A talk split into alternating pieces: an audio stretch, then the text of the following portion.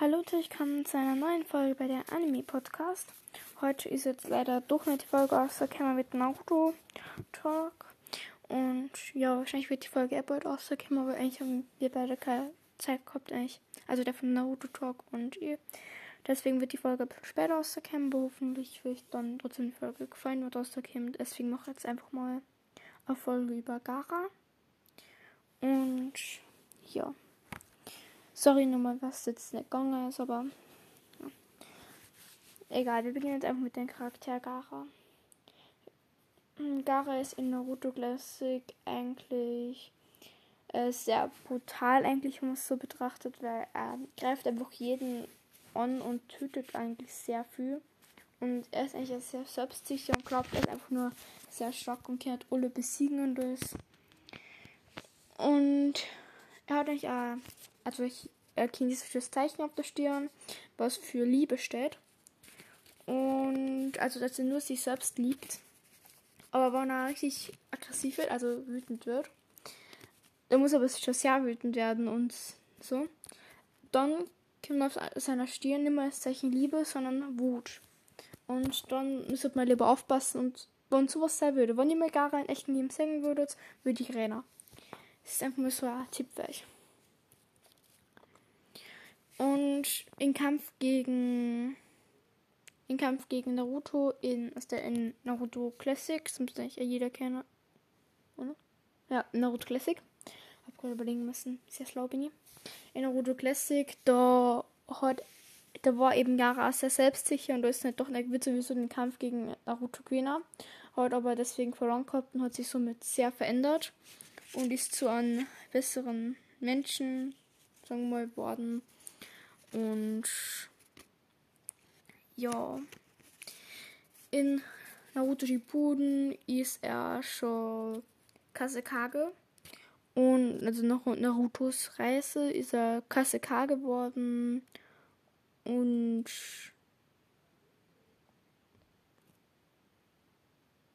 ja, ähm, ist er Kasekage geworden und ist eigentlich schon sehr stark gewesen ist und hat sie eigentlich schon ein bisschen ruhig gehabt und war nicht mehr ganz so aggressiv wie am Anfang war.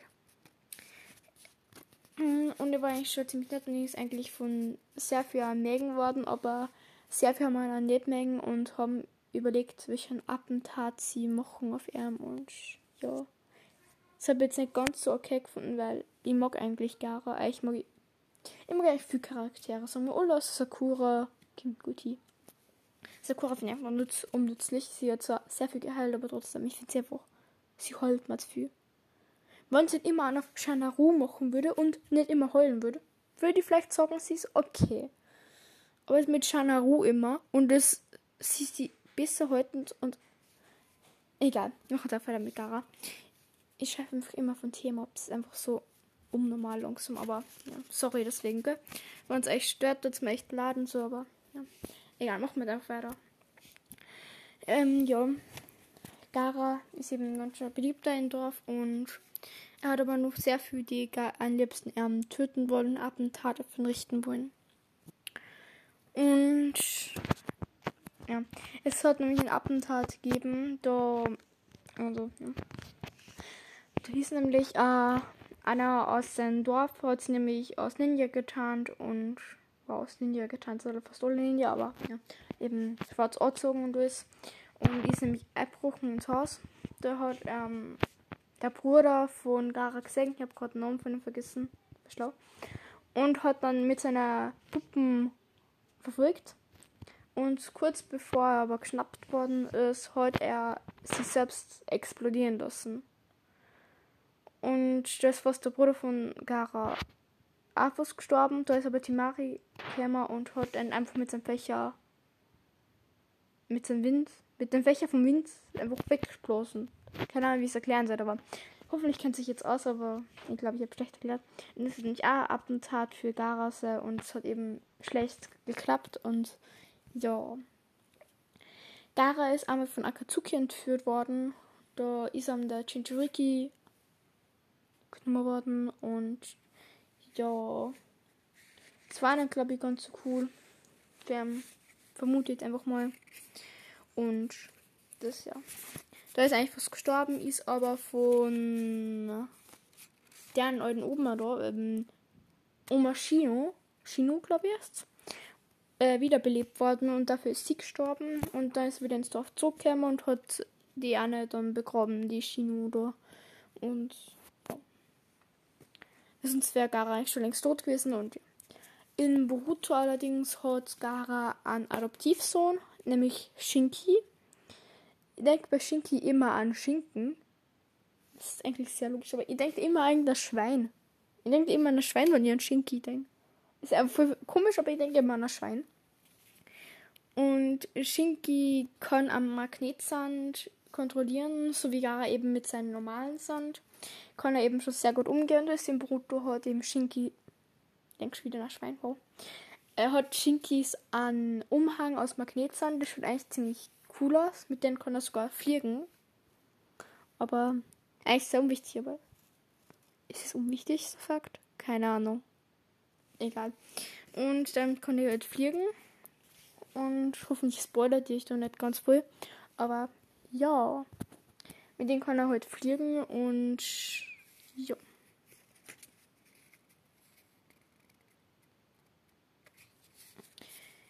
Ja, Shinki heute eben für was viel Besseres als alle anderen, so wie Gara eben am Anfang und hat die viel, viel geschickter gehalten und so. Und ja, das wollte eben bei, bei der Schulenprüfung allen sagen, dass er viel besser ist als die Konoha Ninja und das. Und er ist schon ziemlich stark und ist aber trotzdem finde ich jetzt nicht ganz so geil. Aber ja, er ist einfach zu eingebildet und ja.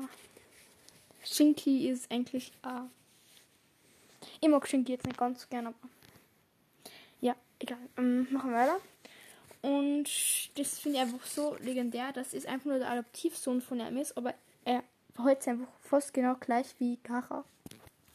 Und deswegen habe ich mir doch die Dual Arto Gara Folge dazu. Dann, ja, muss ich extra Folge machen. Vielleicht nämlich wünscht es mal wer oder keine Ahnung was. Und deswegen erwähne ich jetzt einfach bei der Gara Folge, weil, ja, er ist einfach Adoptivsohn und ja. Er will ich vermute allerdings, dass es eben Gara beweisen würde, dass er schon sehr stark ist und eigentlich einer der stärksten Shinobi werden könnte. Und äh, ich vermute, dass es sich selber beweisen möchte, dass er eben ein starker Ninja ist. Und ja, weil ja. die Geschichte werde ich mir auch noch erzählen, wie eben Gara Shinki gefunden hat. Und. Äh, Gara hat nämlich bei einem Sandsturm hat er Shinki gefunden. Shinki hat eben mit seinem Magnetsand natürlich gleich ähm, solche Dornen, Waffen, äh, solche Art Nadeln auf ihn gerichtet, solche Sandnadeln. Ich verstehe nicht, sowas für gefährlich sein Körper wurscht. Äh, Gara ist zu seinem zugegangen, hat umarmt und hat dann für viele Nadeln im Rücken gekriegt. Sehr cool. Dann hat sie eben Shinki beruhigt und dann eben hat Garan beigebracht, wie er mit dem Sand umgekommen und ja, so ist dann sein Adoptivsohn worden. Und ich verstehe aber eben nicht, wer schenkt echten Eltern zu sein. Wieso sitzt er einfach da mitten in der Wüste bei einem Sandsturm und das, aber ja, das möchte ich gerne herausfinden. Das habe ich aber leider nichts gefunden, wieso das jetzt so war. Das, das tut mir sehr leid, aber da findet man jetzt leider nichts auf Google. Ich habe gesucht und habe nichts gefunden. Wenn ihr was findet, könnt ihr gerne in die Kommentare schreiben, aber ich habe nichts gefunden. Und ja, das war jetzt eigentlich schon ziemlich alles. Jetzt, äh, die Folge ist jetzt schon neun Minuten lang und ja, dann einfach mal. Sorry auf jeden Fall, dass jetzt doch nicht die Folge käme. ist. Hoffentlich hat euch aber jetzt die Folge gefallen. Und ja, dann. Ciao, ciao. Ja, nur ganz kurz, ich habe mir was vergessen zu sagen. Ich werde jetzt noch ganz kurz alliert von Gara abspielen. Das werde ich wahrscheinlich jetzt immer machen, dass ich alliert von den Charakter, den ich noch eben nur alliert von dem hinzufüge. Und ja.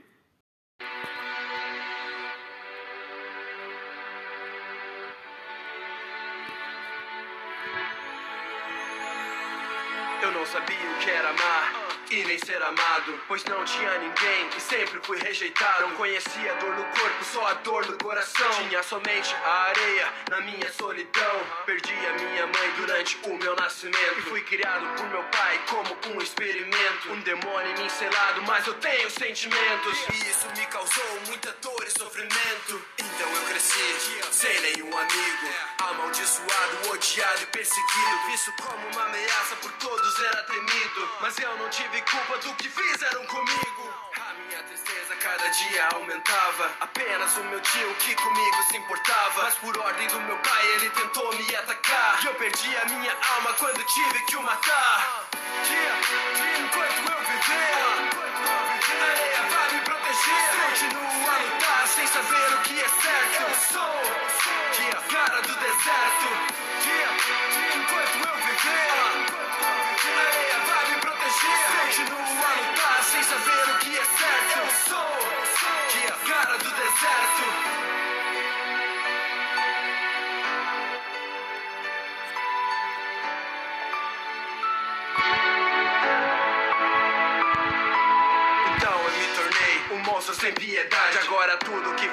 De mim era verdade. O meu coração era só pura maldade. Cruel e distante, sem laços de amizade. Na trilha do mal, pensando que era o certo. Fiquei tão vazio da mesma forma que um deserto. Como poderia amar se sempre fui odiado? Escrevi amor em minha testa sem saber o significado. Eu não dava nenhuma chance, só queria saciar a sede por sangue. O que você faria em meu lugar? Você já pensou? Quando escutasse que sua mãe nunca te amou? Até mesmo o meu pai tentava me matar. Foram tantas vezes que eu nem pude contar. Depois de tudo que passei, eu perdi meus sentimentos.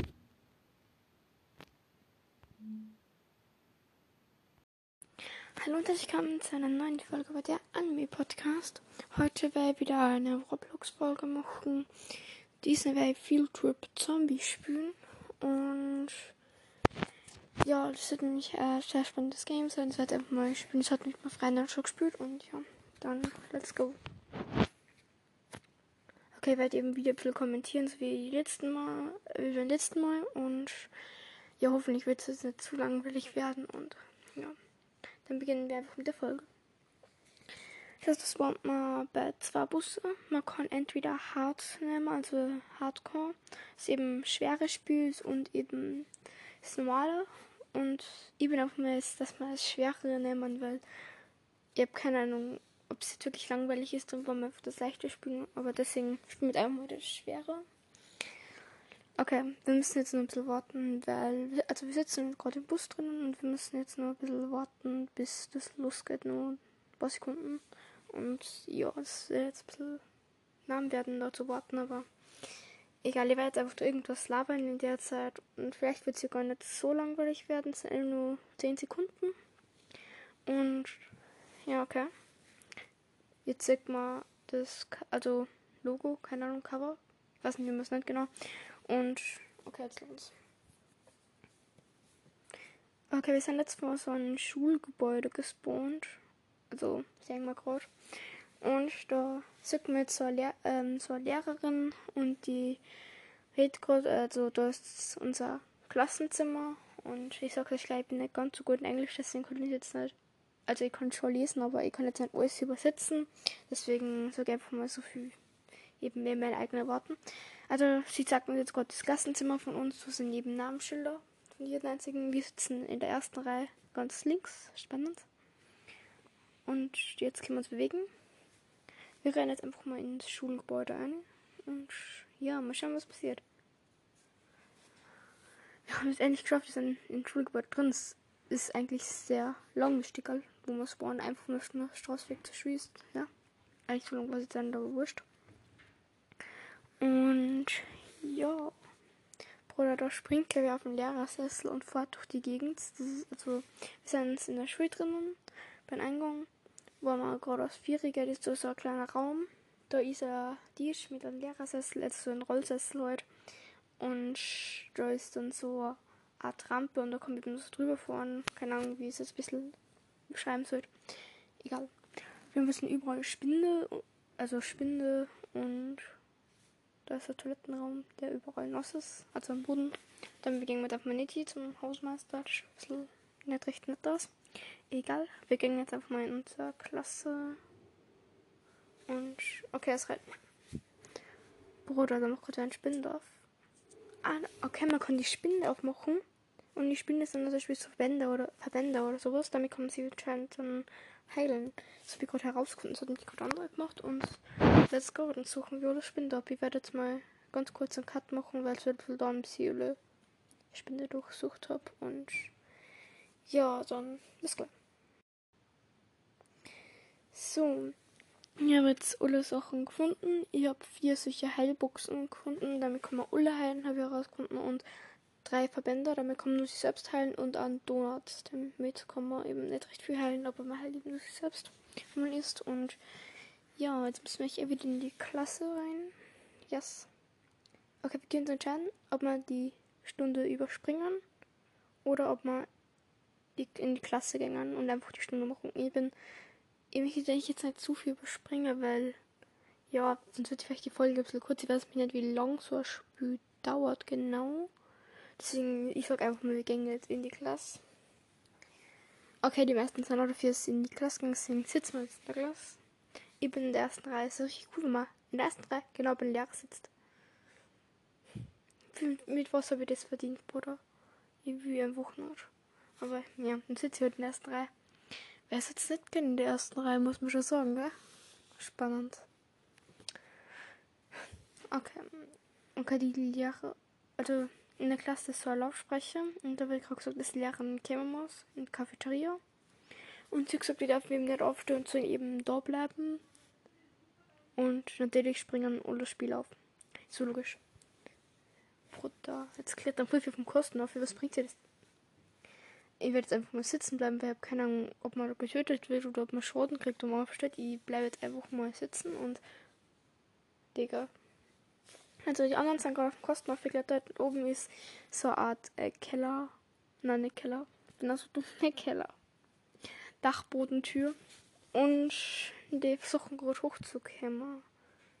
Ah, okay. In 9 Sekunden ist wir da müssen wir auf dem Platz. Das ist sehr schlau von denen. Es ist gerade dem Kosten.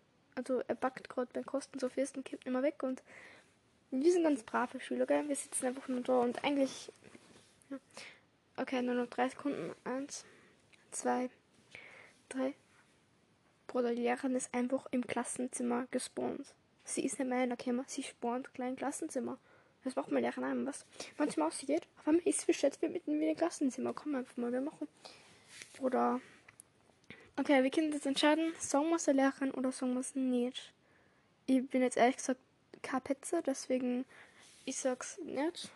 Und Bruder, die Mehrheit einfach dafür, dass sorgen, wer die Klappe aufgemacht hat. Okay, dann sagen wir so, wie der aufgestanden ist und die Klappe aufgemacht hat. Ja, war Leute, gestern 2 dafür, dass wir es nicht sagen. Und fast 4 dafür, dass wir es sagen. Digga. Ähm, es war Y626. Spannend. Das wird jeder wissen. Was bildet? Nix. Ich sagte einfach, aha, 626. Also, ja, Y626. Und der, ich weiß nicht, wieso man eigentlich so einen komischen Nomen hat. Okay, ich sag's gleich, mein Nomen ist halt recht viel besser. Und ja, ihr könnt mir gerne Anfragen schicken auf Roblox. Ich heiße Multicash 2 ich werde wahrscheinlich nur bei der Erklärung der Folge hier schreiben. Ihr könnt mir gerne Anfragen schicken. Roblox und ja. Dann jetzt einfach weiter. okay. Wir gehen. Okay, jetzt ist die Pause eben. Und jetzt können wir wieder aus dem Klassenzimmer gehen. Auf einmal steht da so ein komischer Mann, der sagt, wir können ähm, folgen zur Tankstelle ich bin jetzt nicht ganz so dafür, aber wir rennen jetzt einfach mal den noch da, weil ein blauer Pfeil sagt nämlich auch hier. Und ja, dann let's go. So, also. Wir sind jetzt bei einer Tankstelle und der labert irgendwas, was keinen interessiert. Einfach jeder hupft irgendwie umeinander und steht nicht mehr ansatzweise bei denen. Und ja, das kann man einfach mal machen. Ich weiß nicht, wie sie die anderen auskennen, aber. Also nämlich solche, also bei solchen Tankstellen gibt es immer solche Geschäfte und nehmen Süßigkeiten und alles. Und die Regale sind einfach alle leer und hupfen gerade alle umeinander. Kann man einfach. Und Anna, okay, okay. Ich mache das einfach einmal und das, da kommen jetzt dann so ein Kosten dann. Digga. Okay, Ich habe gerade versucht zum Kosten zu Kosten springen, das klappt nicht. Das ist einfach nur unmöglich, aber ja. Das kommt ist, die Tankstelle ist genau gegenüber von der Schule. Jetzt war gerade Auto von der Schule rüber zur Tankstelle. Oh, Krise. Es ist einfach mal unser Lehrer. ja, richtig toller Moment, wo von der Lehrerin erwischt wird, wo man in der Tankstelle auf fremden aufregt. ja, das ist richtig geil. Roller Krise einfach nur. Okay, ein bisschen, das steckt gerade eine Stunde später. Und jetzt sitzen wir alle in der Schule. Spannend. Und ja, wir sind wohl im Klassenzimmer mal. Ja, sehr cool. Und der Lehrer sagt, der die, also das Unterricht losgeht und ja, er muss ganz kurz verschwinden, dass er für den Unterricht was holt. Bruder, es ist dunkel. Ich habe das Fenster, es ist einfach stockfinster, überall sind Sterne und so. Und wir sind immer, einfach immer nur in der Schule. Und lernen. So unlogisch. Aber ja. Okay. Okay, na, ich bin nämlich gerade zum Fenster zugekupft und das Fenster war offen und ich bin rausgeflogen. Und wir spielen ein Zombie-Spiel. Und ich bin draußen im Dunkeln. Ja, so schlau. Das ist so schlau, ey. Ich stehe draußen. Okay, ich komme nicht rein, ich bin umsaniert hier. Boah, ich hab's geschafft, ich bin durch. Okay, es spawnt gerade ein Zombie und rennt zum Fenster und ich bin gerade reingekommen, bevor es mir erwischt hat, das Schlag gegen das Fenster. Okay, ein Spieler sagt, ähm, oh mein Gott, ein Zombie. Und auf einmal findet das Zombie wieder und der Lehrer kommt wieder rein. Ist einfach so klar, dass es immer so ist. Und ja, spannend. Der Lehrer ist jetzt wieder da und wir sagen, wir haben einen Zombie gesehen. Also einer von uns. Und der Lehrer sagt, nein, es gibt keine Zombies. Auf einmal sagt man beim Computer so eine Aufnahme, da eben es Zombies in der Stadt sind, soll sie alle in Sicherheit bringen und alles. Und ja, die Aufnahme wird es nicht ganz beschreiben, ist ein bisschen lahm. Das ist recht spannend. Ich hasse solche Aufnahmen. Ich bin irgendein Film, so was ich auch schon muss. Ich finde immer richtig lahm in solche Spiele, aber ja. Okay, der Lehrer muss uns entscheiden, ob wir zum Bus gehen und heimfahren oder ob wir in der Schule bleiben und uns verbarrikadieren. Also, ja, ich bin einfach mal prinzipiell bei sowas so einer Sache würde ich wahrscheinlich heimfahren. Zu meiner Familie und so. Ich würd, okay, ich bin für heimfahren. Ich möchte halt unbedingt in der Schule bleiben. Und ja, okay. Wir sind sofort alle zum Bus rennen. Ja, ähm, Entschuldigung, es war gerade mein Bruder, ich habe gerade die Aufnahme gestoppt. Ähm, ja, ich habe gerade auf meinen Bruder drei geredet, sorry. Er hat nämlich schnell was braucht. Ähm, sorry, tut mir echt leid. Ja, egal, wir machen es einfach weiter. Und ja. Und hoffentlich war es jetzt nicht ganz schlimm, dass ich jetzt die Folge unterbrochen habe. So. Also wir sind jetzt wieder in Spiel drin und der Lehrer sagt, wir sind zum Bus gehen und uns davor nur eine Waffe mitnehmen, was ich jetzt selber. Okay, ich sehe mal einen Baseballschläger oder eher mehr so einen, so, einen, so einen Stock nehmen. Ich nehme einfach mal einen Baseballschläger, weil ich glaube, so ein Baseballschläger ist besser als so ein Stock, aber Egal. Let's go. Jetzt müssen wir zum Bus. Juhu, ich freue mich jetzt so auf den Bus. Okay, wir sind jetzt im Bus. Das war so klar. Okay, wir haben jetzt einen Unfall gebaut und kommen vor Haus. Das heißt, lasst uns ein und ja, äh, ist eigentlich ziemlich okay. Und ja, wir sind jetzt im Haus drinnen und da ist nämlich so euer Mord hat mich einlassen und sagt es äh, Busse und mit unserer Käse wir sind jetzt zu viert von zwölf Personen. Ich weiß nicht, wie man schon geschafft hat, dort zu sterben, aber okay. Okay, wir sind jetzt da, es sind überall Zuckerstangen. Wir können erst statt Waffe Zuckerstangen nehmen. Statt ein Baseballschläger. Ich nehme eine Zuckerstange, ich finde es süßer. Und ja, haben wir jetzt eine Zuckerstange in der Hand zum Schlagen. Richtig spannend. Das wird jeder wissen. Egal. Auf jeden Fall, wir sind jetzt da und verstehe ich nicht, wieso unsere Eltern nicht nachfragen nach uns, weil wir um Mitternacht irgendwo nicht da sind, schätzung quasi Mitternacht. Aber egal. Es ist wer bei der Haustür, es klopft, ja. Okay, der alte Mann geht zur Haustür und öffnet sie und das ist Zombie, er wird überfallen. Oder stützen, okay, wir stützen dafür jetzt mit drauf und kloppen das Zombie dann mit Zuckerstangen, sehr logisch eigentlich. Und haben es geschafft. Es ist tot, er macht die Haustür wieder zu, der alte Mann. Und Er rennt oben in den Keller. Wieso im Keller? Ich will nicht im Keller. Aber wir müssen oben in den Keller.